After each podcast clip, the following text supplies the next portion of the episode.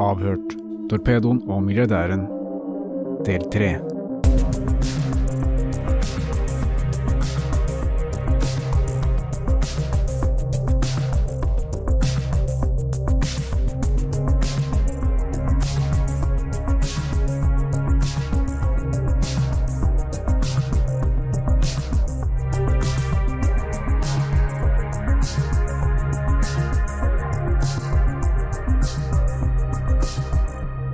Da ser jeg at det er Kjell Inge som sitter i bilen. Da får han øye på meg, og jeg ser han stivner i blikket. Og han sitter eh, sannsynligvis og tenker litt hva, hva skal han gjøre. Men han kommer ut. Og første han sier, er at eh, Jannik, hva vil du oppnå med dette her? Og jeg sier hva jeg vil oppnå med dette her. Jeg, skal vi ta oss en gutteprat? Det er det jeg vil oppnå med dette her. Jeg ser han er redd. Så jeg sier til henne at kom hit, skal du få en klem. Bare så han forstår at eh, jeg har ikke tenkt å gjøre noe med den. Og det, og det gjorde den. Og så sier han plutselig til meg at eh, Jannik, du har jo fått betalt. Ja, Kjell Inge, jeg har fått betalt for, den, for det oppdraget jeg gjorde for deg. Men det er ikke derfor jeg er her nå. Det er historie. Og da mista han enda 10 000 tonn fra ryggen. Og jeg så bare Åh, det var ikke derfor, nei. Eh, så forklarte jeg den situasjonen. Og så sier jeg at vi måtte bare ha, sette oss ned, du og jeg, og ta en gutteprat for hva som har kommet fram nå i avisen. Som jeg har måttet bære sammen med min familie. Og så tenker jeg sånn, sier han ja, det kan vi få til, Jannik. Så sier han, jeg vil ikke ha det på det kontoret til de advokatene. Og så tenkte han litt om igjen. Og så sier han Jannik, kan vi ikke ta det på kontoret til Ellen? For at det ser mer fornuftig ut. Ok. No problem. Og så Jeg gikk min vei, og han gikk på kontoret. Jeg kjørte ut av garasjen. Og møtet ble tilsatt ti dager seinere. Ja. Du gikk med på møte Røkke på Holmens Jeg gikk med på å møte, på de premissene som Røkke da ville at jeg skulle møte den på. Ja. Edens kontor. Så sender jeg en melding til Holden. Jeg har fiksa det. Men du sier, Jannik, at i garasjen, da du fikk tak i Røkke, så sier du at du ønsket en gutteprat. Ja. Hva mente du med det? En gutteprat er at vi tar, setter oss ned, og jeg legger fram det samme eh, eh, prosjektet, eller ikke prosjektet, samme som jeg gjorde i første møte med Kjell Inge oppe på, Hel på kontor. Det er utskrifter fra VG, hva han forteller i avhør, eller i, av, eller i samtale med Per Øverland. Det var det som var viktig. Mm. Men uh, Røkke visste jo heller ikke at han ble tatt opp på bånd. Men Røkke visste jo hva som hadde kommet ut i avisen, han òg. Ja, men det det Røkke han- hadde ikke mulighet til å stoppe det. Han kom jo like ille ut av Han kom jo verre ut. Ja, men det er helt, helt uinteressant om han kommer verre ut. Jeg skal ikke være der. Nei. Så enkelt er det. Ja. Så du mente at de opptakene som Per Orveland hadde gjort av samtalen mellom Røkke, at det kom ut i avisen, eh, var Røkke sin skyld? Du kan si Det var ikke Røkkes skyld at Per hadde tatt det opp, men det er Røkke som er, som er skyld i det at eh, det kommer fram at Per tar opp. For Per hadde ikke, sannsynligvis ikke tatt opp dette hvis ikke han følte at han hadde vært i ugli med, med, med Kjell Inge, eller uenighet om et eller annet. Ok, så du mener at uenighetene mellom Per Orveland og Røkke uh, på et eller annet vis um, kom tilbake til deg, og du som en sånn uskyldig, uskyldig i her. Jo, men du tredjepart kan si at Hva de var uenige om, det er ikke min business. Men når jeg blir dratt inn i det, og, og, og Per stiller Kjell Ingen her var spørsmål, for han har vært hans mellommann mellom meg og Røkke, og mitt navn har blitt dratt inn i en samtale, så må de som står til ansvar for det, og, og svare på dette her. Ja, fordi, fordi du mener at det forholdet du har hatt til Røkke, og det du har gjort for han, det skulle aldri Røkke ha snakket med Per Orveland om. Det det Så enkelt er det. Ja. Så enkelt er hele, hele For i saken. din verden så snakker man ikke. I min verden så drar han ikke opp noe mer navn. Blir du? Ja. Og så ringer jeg Holden, og hørte om Kjell Inge har gitt når vi skal møtes. Så Jannik, du skal møte den da klokka fire, den og den datoen. Oppe på kontoret. Men jeg vil at du kommer 20 minutter før. Ok, jeg kommer 20 minutter før. Vi setter oss inn på et av de rommene som Ellen har. Så sier han til meg, Jannik, at hør nå her, du må ikke røre Kjell Inge her oppe. Så sier jeg til Arild, Arild, hvor dum er du? Har jeg jobba som faen for å få et møte med ham, et, avklar et avklaringsmøte med ham, så skal jeg ta banken av her oppe? Hæ? Nei, men Forstår du? Hvor dum er du? Nei, men jeg, vil jeg måtte bare fortelle deg det. Og det bør du ikke fortelle meg engang. Da Kjell Inge kom inn, han var i, i fin form og glad. Og vi setter oss ned, og Kjell Inge sier at eh, Å, Jannik, vi må ha jakker og mobiteller ut. Så sier jeg du bør ikke være redd for det. Nei, Jannik, det er bare off, off, off, off. Ja, ok, vi tar alle jakkene og, og mobitellene ut. Holden tar sammen alt, går i restitusjon med det.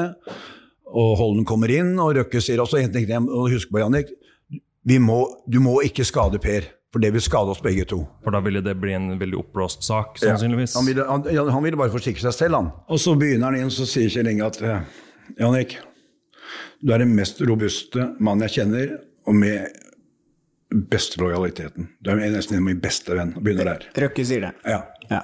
Det er ikke, jeg er ikke der for å være ufin med at jeg vil bare ha en øh, Vi må bare komme til en avklaring på hvorfor alt dette har kommet fram. Forstår du? Og pluss at hvorfor han holdt, holdt meg for narr. Og så sier jeg til Kjell Inge at Kjell Inge, nå er det sånn at det er jeg som har bedt om å få det møtet her. Nå overtar jeg pinnen. Og så tar jeg fram det VG, VG sånn de, på de tingene jeg har ringa rundt i VG, og tar opp de svarene han har med Per, og hvorfor han har gjort dette her.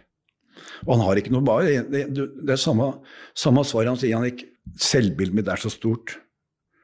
Og jeg kjører hardt på han, og jeg sier altså, men hvorfor er du så skruppelløs? Hvorfor trenger du i din verden å være skruppelløs? Og så tenker han så noe svar, så sier jeg hvorfor er du skruppelløs, Kjell Inge? Ja, men Jannik, jeg har jo hjulpet folk med penger, jeg har jo redda liv, jeg òg. Men det var ikke det jeg spør om. Jeg spør hvorfor det er skruppelløs. Så han hadde ikke noe svar for det.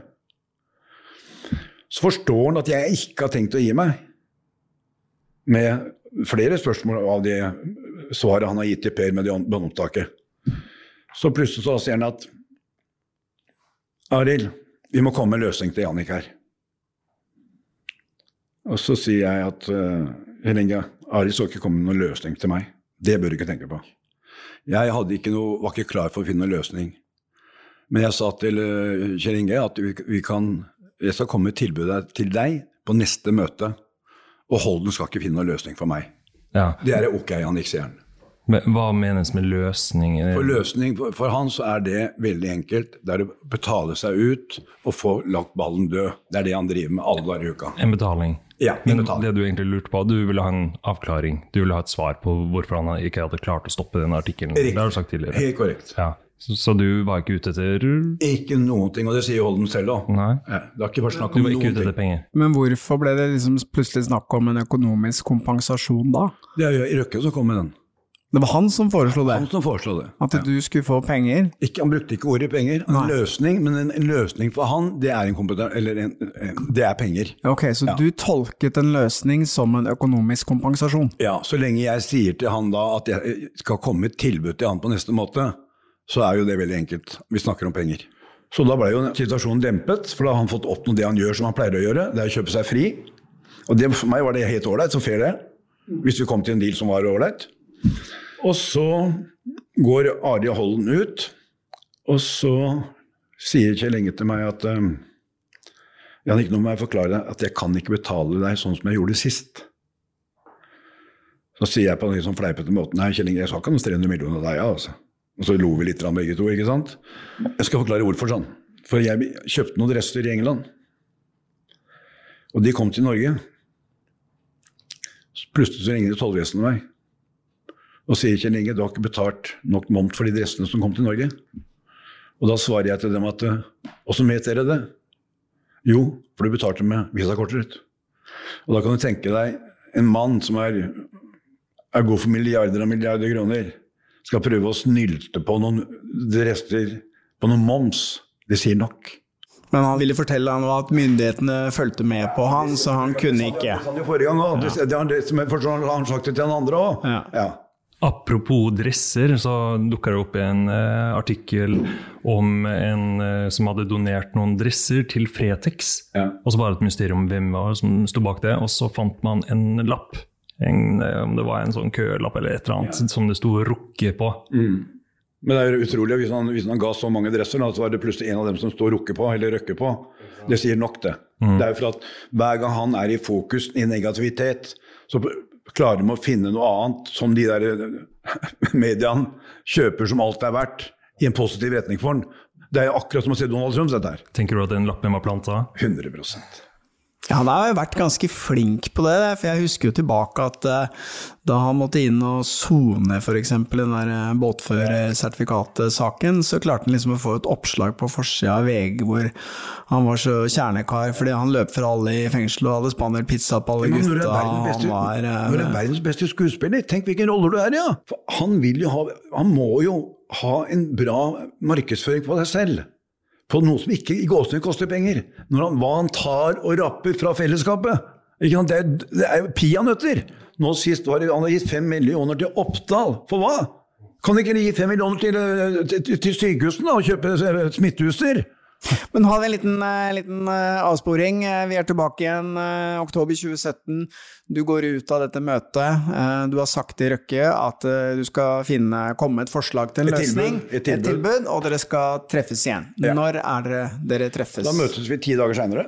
Ja, og da er det bare jeg og Røkke som skal ha det. For da spør uh, Holden spør meg om han trenger å være med på det møtet. For meg er da skal han og jeg, Røkke da gitt meg da at vi skal finne en løsning. Og det er, det er jo økonomisk løsning. Eh, og da vil- jeg ikke ha Ari Holden der. En mann jeg ikke kan stole på noen ting. Da, jeg, da går jeg opp, jeg setter meg og venter i, i resepsjonen der. Så ser jeg Kjell Inge kommer. Jeg, ser, jeg kjenner han så godt. Jeg ser at han har dårlig humør. Jeg tenkte ok, hva er det som kommer nå? Har han hatt en dårlig dag på jobben? Har aksjene gått dårlig? Eller hvem faen er det som skjer? Og vi går inn på rommet, og da er det ikke noe snakk om vi skal ta mobiltelefonen eller noen ting. altså. Nei. Så da forsto jeg her er det noe som ikke stemmer. Så tar han fram et ark, sånn A4-ark. Så bretter han det sånn én gang og to ganger sånn. Så tar han fram en kulepenn. Og det visste, når jeg ser det der, så ser jeg til meg sjøl Den mannen har aldri skrevet et referat i hele sitt liv. Hvorfor skal han begynne med det nå? Her er noe som ikke stemmer. Så sier han til meg, Jannik, jeg har ikke bedt deg skyte Tromsdalen. Nei, Kjell Inge, du har ikke bedt meg skyte Tromsdalen. Men du har bedt meg fjerne Tromsdalen. Og du vet at jeg gikk all in. Og den pennen Den pennen var en uh, opptakspenn, er jeg helt sikker på. Jeg kjente blodet gikk helt opp i, i huet på meg. Jeg satt bare og lurte på hva, hva er best for deg nå, Jannik. Enten være med på spillet, heller bare ta den kulepennen og kjøre tvers inn i øyet på den.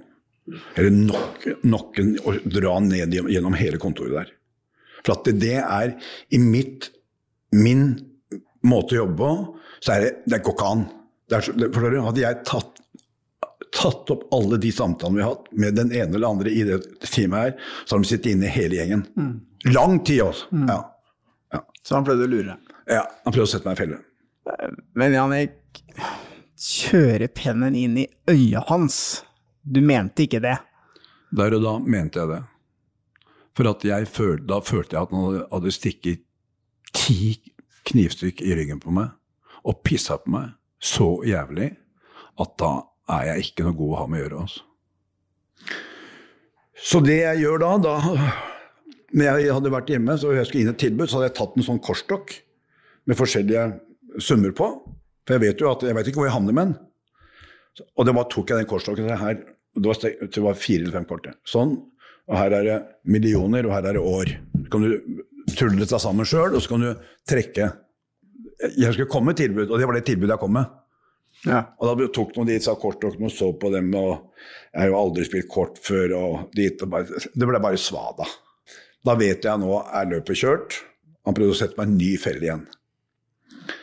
Så sier han at han kan ta et nytt møte igjen. Ok, vi gikk et nytt møte. Hvor lenge hvor mye Det, var, var det? det møtet kom han ikke til. Nei. Og da, og da jeg, sender jeg melding til, til Ari Holden hvor jeg havner. For jeg, da hadde jeg gått, gått opp på kontoret der, Jeg satt én time og venta på han, han kom ikke. Eh, og Holden visste ingenting da, som vanlig. Og så gikk jeg, dro jeg bare, og så sendte jeg melding til, ringte melding til Holden da, og så sa hva faen er det som skjer? Nei, da hadde han misforstått, ikke sant? Så vi, måtte møte dagen etterpå. Når er vi i tid nå? Da er vi nesten i oktober-november, tror jeg. Ja, så vi Ja, fortsatt ja, slutten av eh, november, tenker jeg. høsten, Ja, Ja, slutten jeg tror jeg det er- 2017. Ja, det er 2017 helt Ja. Og så kommer, går ikke lenge der, da. Og så plutselig får jeg telefon fra Vi skal møte klokka fire. Eller, ja. Og da har jeg bestemt meg nå skal han få sitte en time og vente på meg. Hvis han tror at den tida hans er mer viktig øh, sin, så tar han helt feil. Så jeg var, i, var det klokka fire. Men jeg sto på utsida, tok meg røyk og kosa meg. og Helt sånn relax. Ja. Og i forkant, da, før det møtet, så hadde jeg truffet Ari Holden. For han har spurt meg åssen det gikk på møte nummer to. Så det skal jeg fortelle deg når du kommer til møte nummer tre. For den mannen der, han prøvde å sette en felle på meg og ta opp en samtale med meg. Men det skal han ikke få vite før, før nå jeg kommer neste møte. Og så får jeg melding av Are at han ikke kunne være der. Nei, ok. Så går jeg opp på der, da sitter Kjell Inge i stolen der. Akkurat når jeg kommer inn av stolen, så spretter han opp, så skriker han 'Jannik, jeg har ikke tatt opp noen bånd med deg!' Da har den fucken jævla advokaten min blåst hva jeg har sagt til han. Min advokat! Som han går og forteller hva jeg har sagt til han, til han! Det går ikke an. Og så plutselig så sier han 'Jeg har ikke tenkt å betale deg noe'. Nei. Og hva skal jeg betale deg for? Først så skulle du betalt meg for det lojaliteten jeg har vist for deg, og det vi har vært igjennom, jeg og min familie har vært igjennom, sa det skulle du betale for. Men det har ikke noe betydning, Inge. For nå kommer jeg bare til å gå til VG sjøl og fortelle sannheten. For da, da, da Du mister litt sånn fornuftighet når du føler det. ja, du var forbanna. Ja, helt riktig. Og, og det ville aldri jeg gjort. Men der og da sa jeg jo det.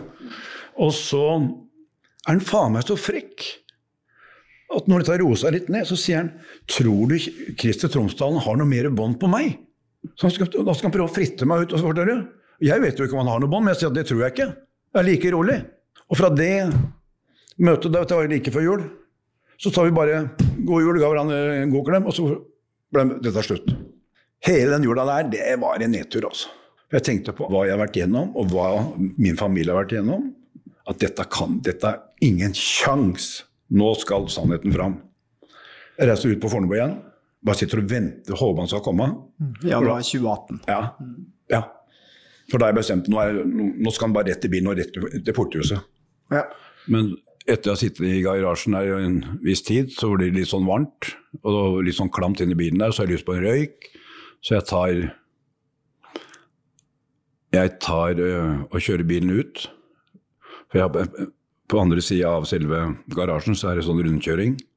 Og da har jeg full kontroll på bilene som kommer ut og inn. Ok, Jannik, men jeg må bare stoppe deg et lite øyeblikk der før du fortsetter. Fordi du sier at du reiste ut for å ta Kjell Inge Røkke og kjøre han til politihuset. Ja. Hva ønsket du å oppnå med det? Da ønsker jeg å ta med han sammen med meg, så vi begge to står der og må stå til ansvar for den handlingen som er gjort. Men tror du ikke bare Røkke ville sagt at du hadde kidnappet ham?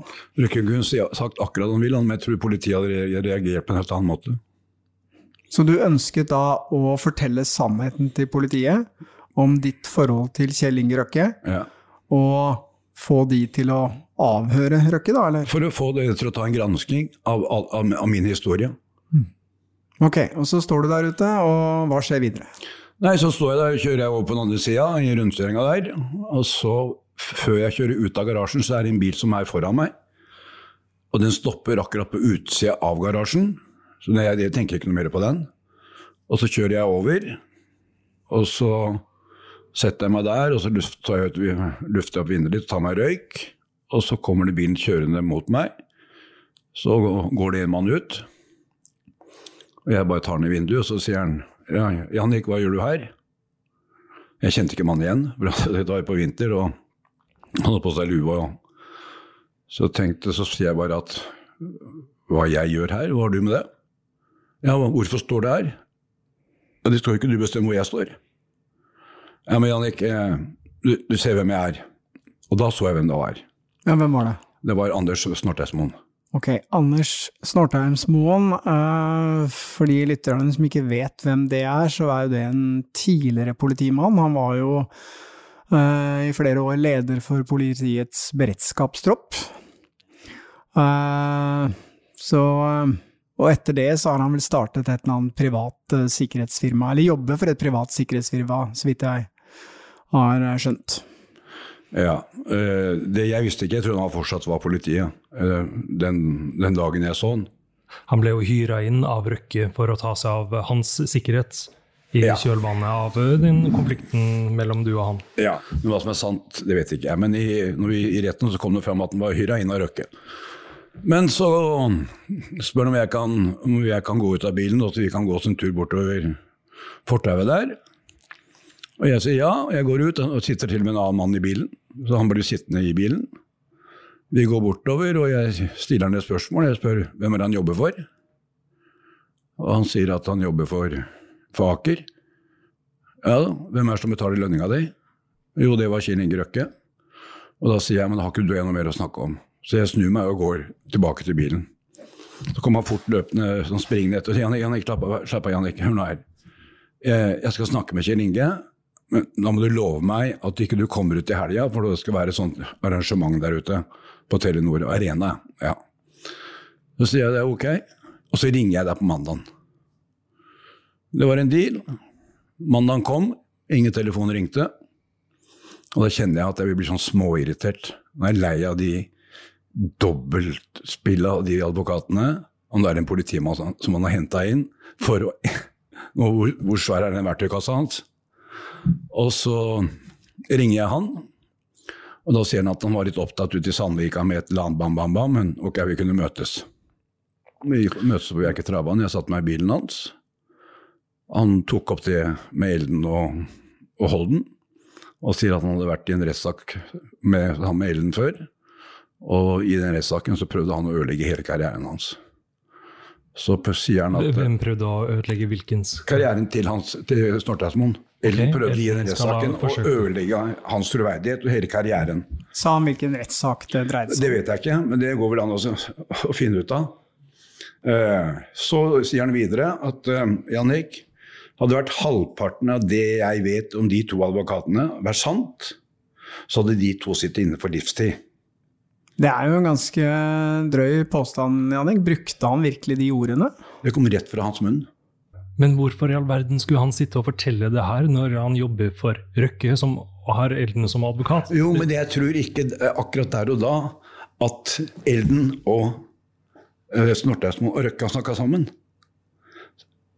Så her virker det som at Snorteismoen har et sånn hat til Elden personlig, at det kom automatisk ut fra hans hjerte. da. Men hva, hva skjedde videre, da? Nei, så øh, sa jo han til meg at øh, vi, vi, vi Han skulle snakke med Kjell Inge, og så skulle vi, se, finne løsning. Så han brukte det samme Ordet som Kjell Inge. Ja. Finne en løsning. ja. Men jeg var ikke noe interessert i noen løsning. Hvorfor ikke?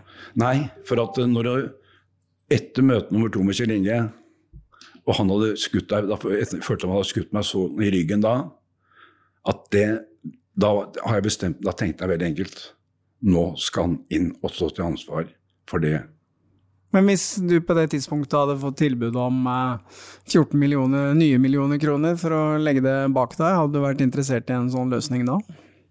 Det, det tror jeg at det hadde skjedd, ja. Men akkurat der og da så var jeg bare forbanna. Jeg var bare sint pga. det jeg hadde opplevd gjennom jula, gjennom min, øh, øh, hva, hva min familie hadde vært gjennom. da. Men garantert jeg la en deal. Det er 100 For jeg ville jo at dette skulle gå- vekk. Så, så du var klar for å akseptere en økonomisk løsning, men det kom aldri? Eh, Der og da så var jeg ikke. Det var han som sier at øh, han skulle snakke med Kjell Inge. Ja. Og da sa han til og med såpass at jeg kan lage et møte med deg og Kjell Inge. Er det ålreit at jeg også kan være med på det møtet? Selvfølgelig, sa jeg da. Ja. Dette er litt viktig. Sa du på noe som helst tidspunkt til f.eks. Snorteinsmoen at en løsning for deg kunne være at du fikk betalt? Nei, aldri. Nei, nei. Så skulle vi møtes på Da måtte jeg også jeg, han, han skulle ringe meg, jeg måtte ta, ringe han igjen. Da møttes vi på Kongen. klokka seks om kvelden, seks eller sju. Han kom fra Sandvika, tror jeg. Jeg hopper inn i bilen hans. Og så sier han til meg, Jannik, kan jeg få lov å gi deg et råd? Jeg tar imot alle råd. Hør nå her. Hvis du legger deg flat for Kjell Inge, Jannik, så vil han hjelpe deg. Jeg kjente blodåra gikk rett derfra, rett opp i huet. Tok denne hånda og klinte inn i dashbordet. Så sa jeg, skal jeg legge meg flat for Kjell Inge Røkke? Hvem faen er det dere tror dere er? Nei, Jannik, det var ikke sånn jeg mente. Det var, og prøvde å finne unnskyldninger og ditt og datt. Og da hoppa jeg ut av bilen, da var jeg så forbanna, så da må jeg få kjøle huet mitt ned. Og så går jeg et par runder meg sjøl, så hopper jeg inn i, inn i bilen så sier jeg, nå skal du få høre sannheten. At ikke jeg legger meg flat for han. Jeg skjøt Tromsdalen for han, sa. Så det kan du ta og spørre ham om, sa jeg. Og han ble helt, helt slått ut, for det visste jo ikke han. Og så sier han til meg at Jannik, hør nå, vi må ha et nytt møte. Men eh, så skal jeg der. Og så hadde vi nytt møte på Bjerke igjen. Det var tror jeg det siste møtet vi hadde.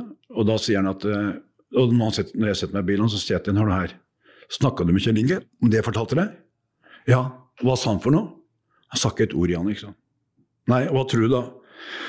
Nei, han var helt her. Nei, men nå kan du fortelle, nå kan du bare, bare være klar over at nå kommer jeg hjem til ham, og jeg henter hjemme. Ja, Så kan dere hva faen dere vil, for nå skal han til politiet. Bam. Så sendte jeg melding til ham. Jeg kommer til å reise hjem til ham. Mamma må gi beskjed til kona hans. Hun har ikke noe å være redd for. Det er kun han som skal inn i den bilen, og han skal til politihuset. Bam. Ja, for det står jo i, eh, i anmeldelsen av deg at du truet med å ta tak i Røkke og anmelde han til politiet. Stemmer ikke det, Helge? Du som har oversikt over det? Mm. Ja, det er helt riktig. Det, det er står i helt riktig. Det, det står i tekstmeldingen vi har òg, da.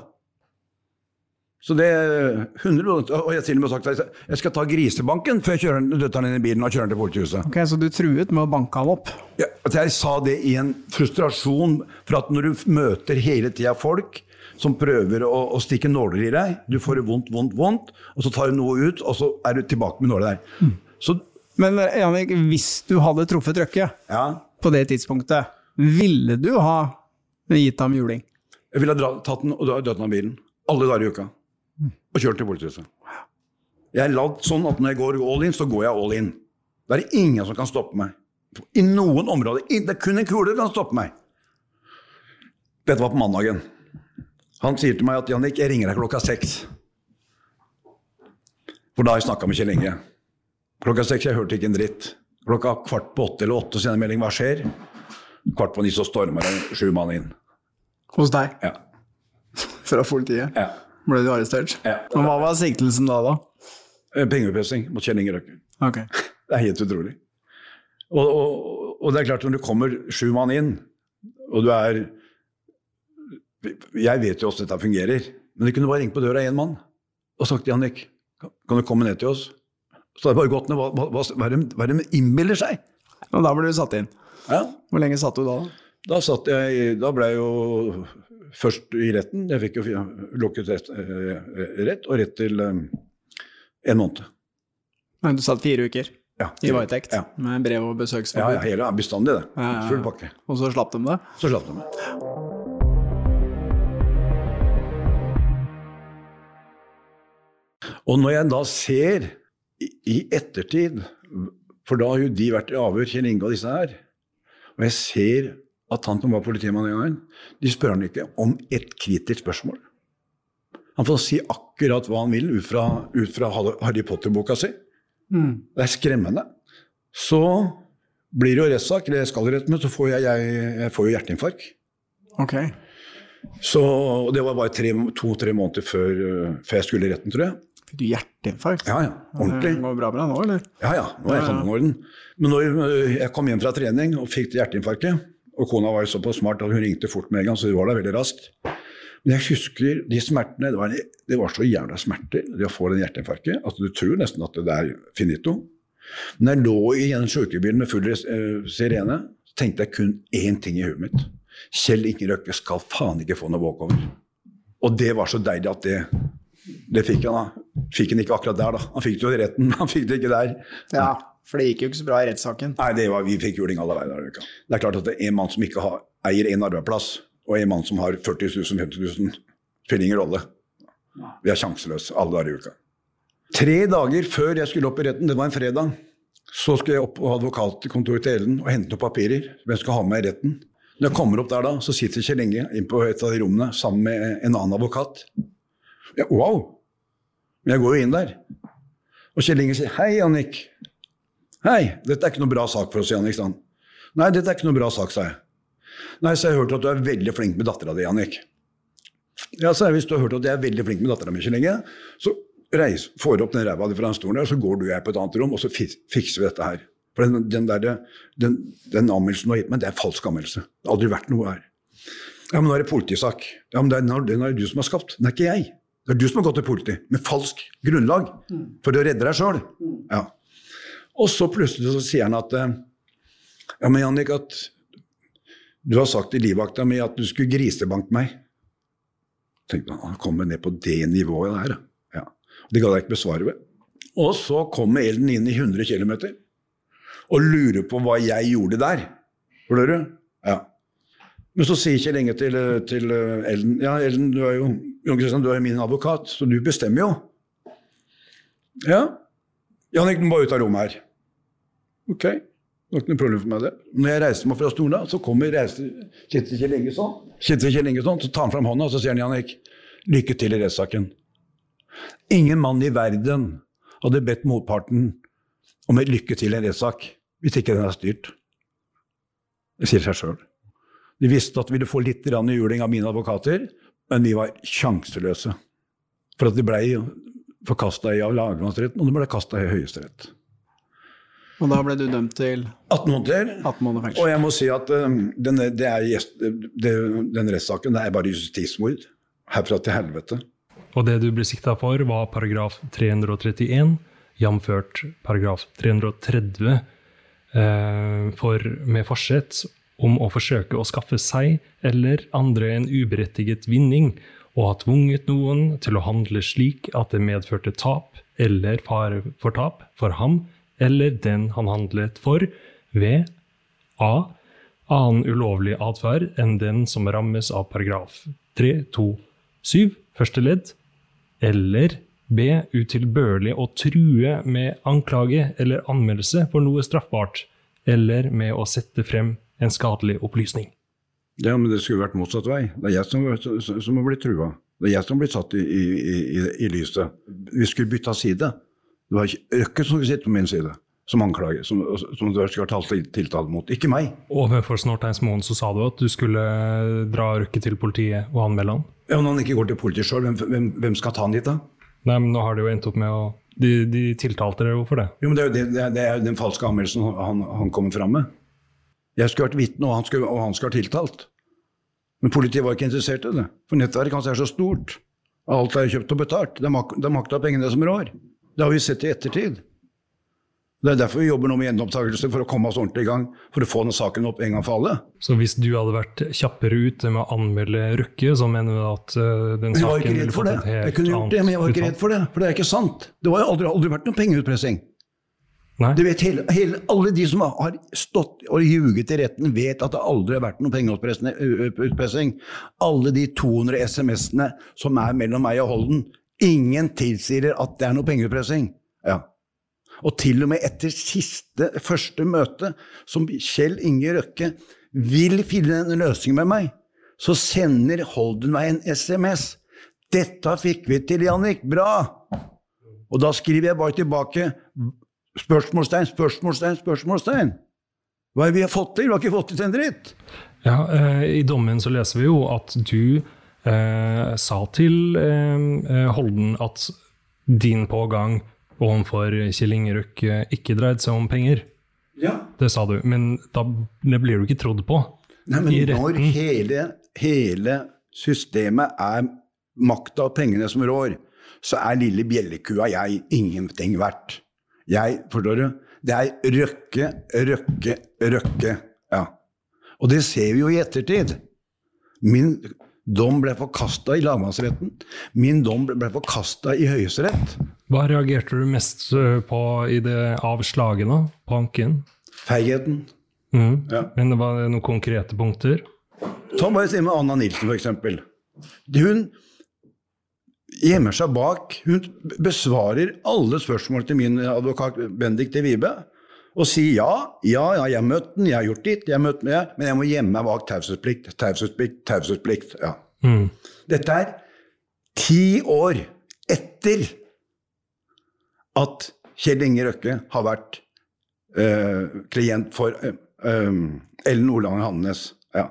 Så det, det, det går ikke an å gjemme seg bak denne taushetsplikten der. Det vet Jon Christian Ellen like godt som alle andre. Men vi ble ikke trodd. Um, hvorfor er vitnemålet til Anna Nilsen viktig for din side av saken, tenker du? For Anna Nilsen vet sannheten. Fra det møtet når Kjell Inge, Ellen Lang, Andenes, Anna Nilsen og jeg var der oppe, når Christer Tromsdalen skulle true, true henne på livet og ville blåse Kjell Inge Røkke med nye bånd. Så hadde de bare bekrefta det møtet som var den dagen oppe på det kontoret til Ellen Olang Andenes, så hadde saken vært helt annerledes. Det er derfor det gjemmer seg bak taushetsplikt. Men i dommen mot deg, Jannik, så er det også snakk om et våpen. Hva Ja. er det for noe? Det var et våpen som jeg hadde nede i kjelleren, som jeg fortalte politiet når jeg satt i politibilen. Når han kom til meg, han ene spaneren, og spurte om jeg hadde noe våpen hjemme. Ja, sa jeg. Jeg har et våpen hjemme, og det ligger i, i kjelleren. Og det er et sånt elektrovåpen. Så det kan du bare spørre min kone om, så får du svar på det, hvor det ligger hen. Men hvorfor eh, opplyste du politiet om det, da? For at det er veldig enkelt, så jeg har ikke noe å skjule. Så det er mye bedre å si at ja, for jeg vet at hvis de plutselig tror at jeg sitter med mye våpen, så snur de hele huset og leiligheten på huet. Og det har skjedd en gang før. Og det er jeg ikke interessert i. Men hvor sentralt var dette våpenet i rettssaken din, da? Nei, det var bare noe de hadde dratt med bare for å forverre situasjonen. Ja, og så fant de en kniv i nattbordskuffen min som har ligget der i 10-12 år. Det er sånn putter, som du peller deg tenna med. Men hvem er det som ikke har kniv hjemme hos deg? Ja, Hvem er det som ikke oppbevarer et par skytevåpen på kontoret sitt? Så Vi har jo nå eh, helt nylig hørt om han eh, politi, tidligere politimester eh, og nåværende PST-sjef, Hans Sverre Sjøvold, som eh, ble tatt for å ha oppbevart ulovlige våpen, skytevåpen, på Ja. sitt kontor. Og, og hva fikk han? Han fikk 50 000 i bot. 50 000 i bot. Ja, og jeg, når jeg ble tatt med våpen eller for skutt i Tromsdalen, fikk jeg seks måneder bare for den. Så jeg vet ikke er, om det rettssystemet er riktig for overfor for alle sammen. ja, Om det er riktig. Eller er det de som er, sitter høyere oppe, skal slippe billigere, mens vi som ligger litt nede, skal få juling hver gang? Jannik, etter alt du har vært igjennom, har du fremdeles troa på det norske rettssystemet? Jeg har tro på det norske rettssystemet. Så jeg regner med at denne saken vil bli gjenopptatt når dette programmet her kommer ut til allmennheten. Jeg går inn 4. august, men jeg garanterer at hvis politiet har kommet og henta meg og, og tatt meg et avhør sammen med min, min advokat Benedicte Vibe, eller Kaja de Vibe, så garanterer jeg at det blir ikke noe hyggelig for noen når jeg kommer ut. For da kommer det kommer det til å komme en ny Jensen-sak. Det garanterer jeg alle, hele det norske fellesskapet. Men hvis vi ser på, på dommen og, og sakens gang her, og hvis man skal tolke det eh, verst mulig måte, da, så, så kan det jo se ut som om du drev pengeutpressing. I, I dem sine øyne, ja. Men her har aldri jeg kommet med noe, med noe, noe press for noen penger. For meg har dette vært startfase én, som Holden vet veldig godt om. Det var et oppklaringsmøte. Ikke noe annet. I det oppklaringsmøtet så er det Kjell Inge Røkke som fremhever til Holden at vi må finne en løsning med Jannik. Og løsning for Kjell Inge Røkke er penger. Så du krevde aldri noe penger i de møtene. Ikke ei krone har jeg krevd i de møtene, øh, øh, med noe penger i de møtene. Jeg skulle komme med et tilbud. Etter et tilbud med den korstokken som jeg har forklart om, som jeg ikke burde sagt sannheten om engang, for det har blitt en påstand mot påstand, men jeg har ikke noe å skjule. Så kom han tilbake med og sier, Jannik, jeg har en bekymringskonto som jeg bruker på pga. ubehageligheter. Så vi setter deg heller inn i den båsen der. Så finner vi løsning til neste møte. Ja. Ja, Så bare for å ha det helt klart, det var ikke du som i utgangspunktet krevde penger, men det var de som tilbød deg penger. Helt korrekt. Som han har jo betalt meg før. Du sitter jo her i de episodene og forteller om uh, ting som du kan bli tiltalt for uh, i en eventuell ny sak. da. Hvis det skulle bli en sak mot Røkke, da, Ja. så kan uh, noen av de forholdene du har forklart om, eh, være ting som blir brukt mot det. Det, det, det, det regner jeg opp at Det det kan forberedt på, men, Men og på. potensielt få en, en høyere straff. Nei, det, det, det for det første, det er som, som Jon Christian Elden sa den gangen, for å få meg litt uh, rolig, at Jannik, jeg styrer pressen, og de kan ikke dømme deg to ganger. Ja, For den samme forbrytelsen, ja. Men Ja. det er nye ting som har kommet frem og det i er, det du har prata om her. ja, ja, men det får stå sin gang. Ja. Men da, så lenge arbeidsgiveren er med på den straffa, så skal jeg ta min straff. Og da er du villig til å ta en høyere straff enn de Jeg tar den straffa som kommer, som påtaler mener er riktig. Ja. Det for meg er viktig nå at politiet tar, ringer mine, mine advokater, Benedicte Wibe eller Kaja de Wibe, eller meg, møter politihuset, legger bevisene fram og får den mannen inn der han skal være. Nå må han stå til ansvar for det han selv har gjort.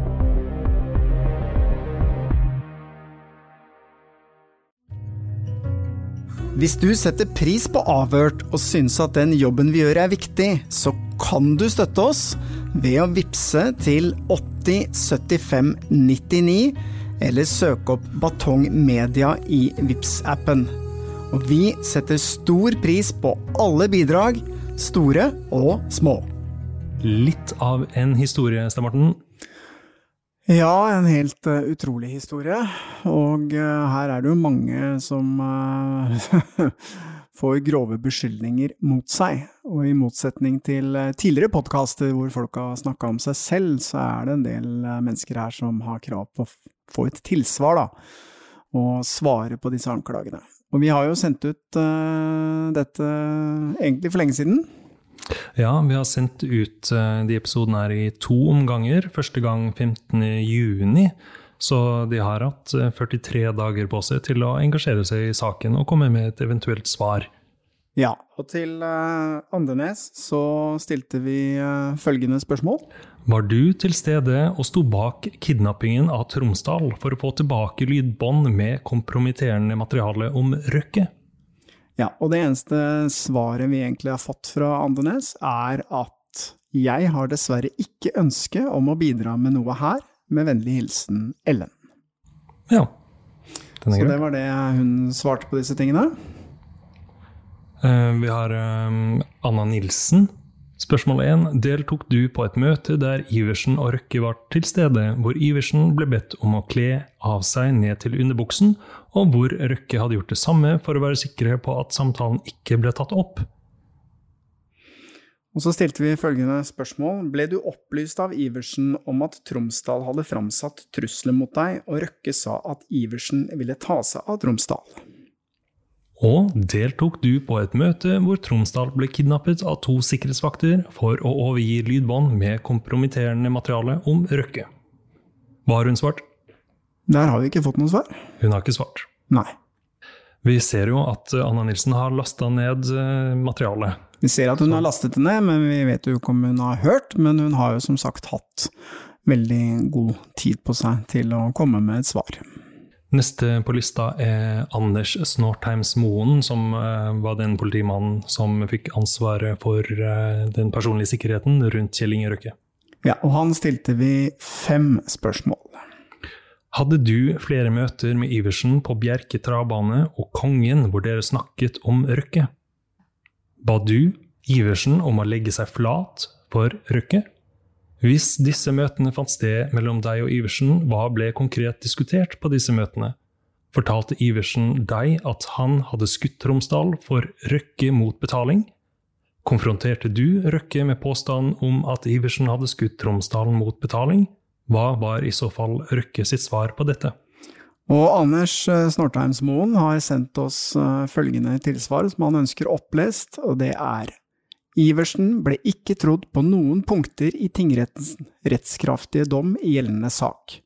Hans uttalelser om innholdet fra våre møter er preget av usannheter og unøyaktigheter tilpasset hans versjon av saken. Ferdig?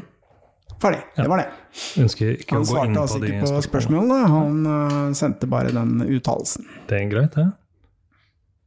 Det må de få gjøre som de vil med. Um, mm, Elden? Ja, han eh, stilte vi følgende spørsmål. Opplyste du Jan Erik Iversen om at du var Røkke sin advokat, og ikke Iversen sin, da Iversen ble kalt inn til et møte på advokat Morten Furuholmens kontor i forbindelse med at Per Orveland hadde gått til media med lydbåndopptak av Røkke, Iversen og Orveland? Jon Christian Elden svarer møte 18.12.2012 klokken 16 var innkalt av Morten Furuholmen som advokat for Orveland, av meg som advokat for Røkke i en meget medieomtalt konflikt dem mellom som Røkke oppfattet som utpressing, og der Orveland ønsket et forlik med Røkke. Ved møtets avslutning ba Iversen meg gå tilbake til min klient for å se om han kunne bidra til en løsning som gjorde at Iversen ikke ble hengt ut i media som følge av konflikten mellom Orveland og Røkke. Røkke avviste og la seg presse og sa han hadde intet å skjule. Sa du til Iversen at du eier media, og at det ikke var et problem med opptakene? Eh, svaret på det er nei, men jeg sa at jeg tvilte på at noen seriøse medier ville delta i utpressing og publisere lydbåndene der Iversen følte seg uthengt. Sa Iversen til deg at han ville skyte Røkke i knærne, i så tilfelle varslet du politiet?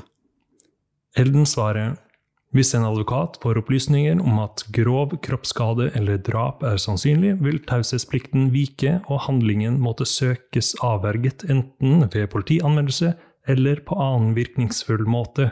Jeg har alltid overholdt denne plikten. Eh, ja. Ok. Eh, I forhold til eh, Arild Holten så stilte vi følgende spørsmål. Var du forsvareren til Iversen i forbindelse med at VG jobbet med og publiserte saken om lydbåndene til Orveland i 2017? Svar Jeg assisterte Jannik i forhold til VG. Og fortalte du din kollega Elden om at Iversen trodde at Røkke tok opp samtalen mellom de to på et møte hvor det skulle diskuteres en løsning for Iversen etter oppslaget i VG i 2017 om lydbåndene til Orveland? Jeg husker at Jannik mente seg avlyttet, Mener jeg ikke sa noe til Elden om dette? Mener jeg ikke sa noe til Elden om dette? Til Kjell Inge Røkke så stilte vi følgende spørsmål. Ba du Jan Erik Iversen om å fjerne Tromsdal, og at han skulle få 1000 ganger mer betalt enn det du betalte for båtsertifikatet? Spørsmål nummer to. Betalte du Iversen først 200 000, deretter 100 000 til og en champagneflaske i forbindelse med at oppdraget ble kansellert? Hyret du på ny Iversen for å fjerne Tromsdal og betale 1,5 millioner norske kroner til Iversen i Saint-Tropez. Ble du enig med Iversen om å betale en gang til. Ble du enig med Iversen om å betale to millioner dollar for å utført oppdrag etter at Iversen skjøt Tromsdal i kneet? Ba du Per Orveland om å betale Iversen to millioner kroner som Orveland overleverte til Iversen i kontanter som betaling for oppdraget? Betalte du via en mellommann 869 000 euro fra Bank of Scotland til Iversen i Paris som fullt oppgjør for oppdraget Iversen hadde utført da han skjøt Tromsdal. Tilbød du Iversen å finne en løsning?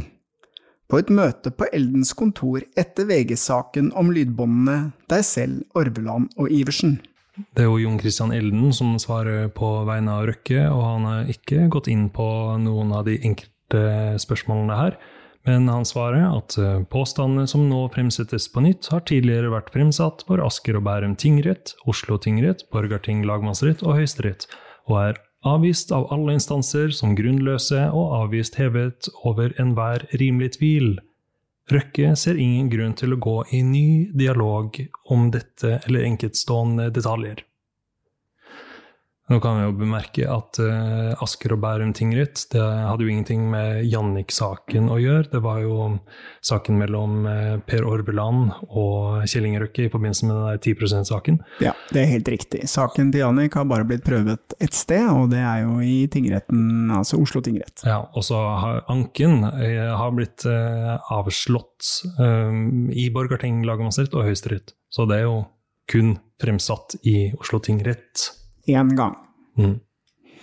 Sist, eh, men ikke minst, så har vi Christer Tromsdal, som har fått eh, følgende spørsmål. Fremsatte du trusler ovenfor Anna Nilsen? I så fall, hva slags trusler? Da har vi fått et veldig langt svar på det, og det svaret inneholder jo ganske mange beskyldninger, men det er jo ikke noe vi fremsetter, vi bare Han krever at alt skal leses opp, så da gjør vi det. Og da skriver han nei, det har jeg aldri gjort, jeg kjenner ikke Nilsen utover at jeg ble avhørt av politiet som fornærmet i en straffesak mot Nilsen i slutten av 1990-tallet, da Nilsen med flere var tiltalt for grovt bedrageri etter en omfattende katalogannonsesvindelsak.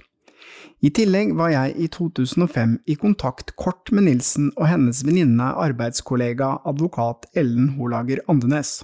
Dette i forbindelse med at de begge engasjerte et firma med flere straffedømte til blant annet å montere en GPS-sporingsboks på bilen min, stjele en større mengde kasser fra et lager i Oslo som tilhørte meg, samt de begge forsøkte også å påvirke true meg til taushet i sertifikatsaken hvor Røkke med flere var tiltalte, uten hell. Da Andenes og Nilsen benyttet sin rett til ikke å forklare seg overfor politiet i 2006, jf. taushetsplikten overfor sin daværende klient Kjell Inge Røkke, etter at jeg politianmeldte det jeg hadde blitt utsatt for, så ble denne saken derfor vanskelig å etterforske for politiet, og saken ble blant annet derfor henlagt på bevisets stilling, og ikke som intet straffbart forhold anses bevist, som podkasten uriktig fremsetter som et resultat av saken. Jeg kan jo påpeke her da, at uh, vi har aldri sagt at uh, den saken ble henlagt som intet straffbart forhold. Nei, det sånn stemmer. som Tromsdal påstår her. Han fortsetter å skrive at dette er for øvrig bredt dokumentert, omtalt i media i NRK Brennpunkt og Nettavisen med flere. Til informasjon engasjerte jeg selv høyesterettsadvokat Erling Lyngtveit, advokat Jon Christoffersen og privatutreder Leif Alier til å bistå meg i saken, og som alle innehar kunnskap om sannhetsgehalten dokumentasjonen som ble fremlagt av min politianmeldelse mot Nilsen Andenes. Og arbeidet deres besto blant annet med å finne de stjålne kassene mine, samt kommunikasjon mottak av et tilbud om økonomisk erstatning fra advokat Ellen Andenes, noe jeg avslo. Se blant annet utklipp faksimile fra Nettavisen. Den skal vi ikke lese opp fra Nettavisen. Det var svar på Svaret. første spørsmålet. Eh, Spørsmål to. Drev du utpressing ovenfor Kjell Inge Røkke i forbindelse med lydbåndopptak som ble tatt opp da Røkke ønsket å kjøpe et båtsertifikat?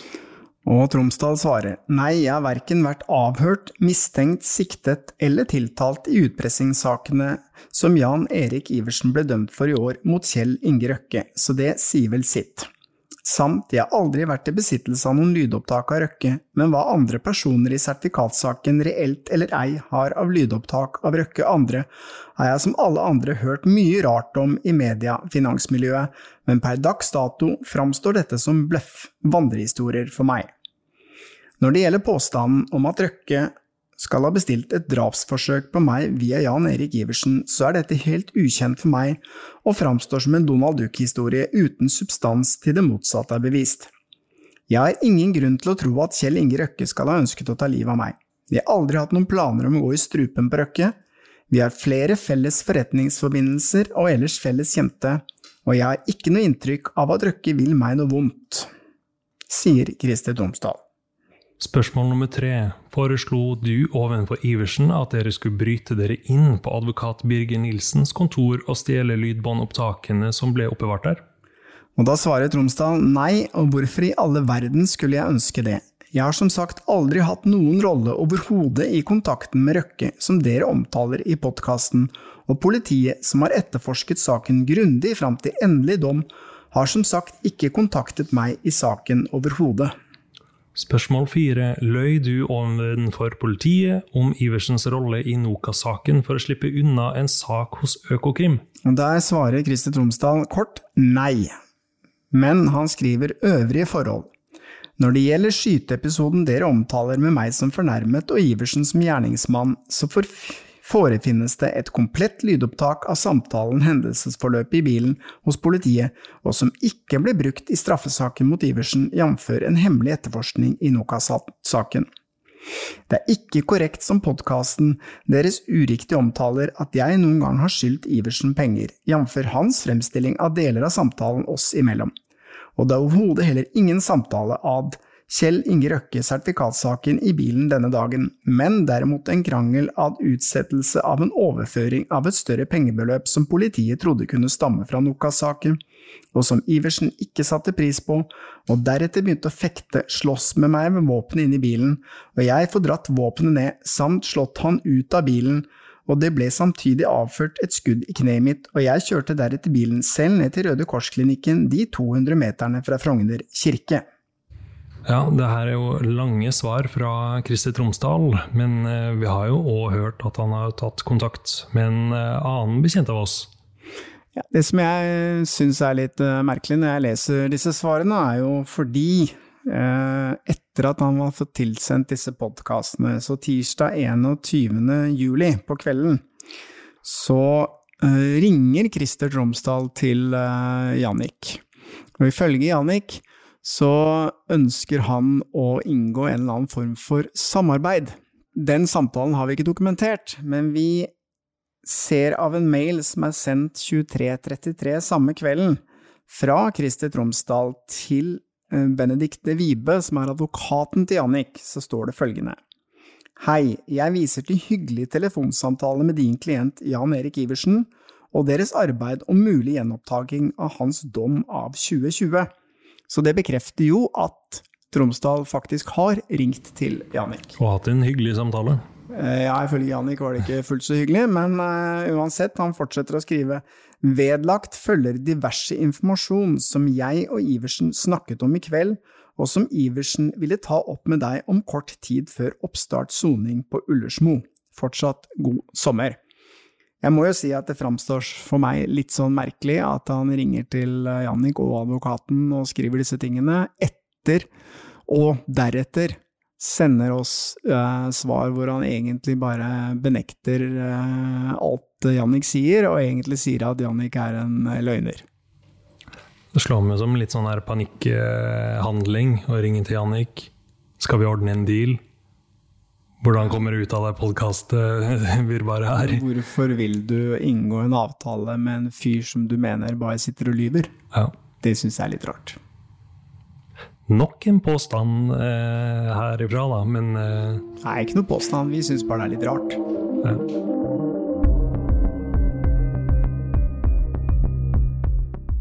Avhørt er produsert av Batong Media.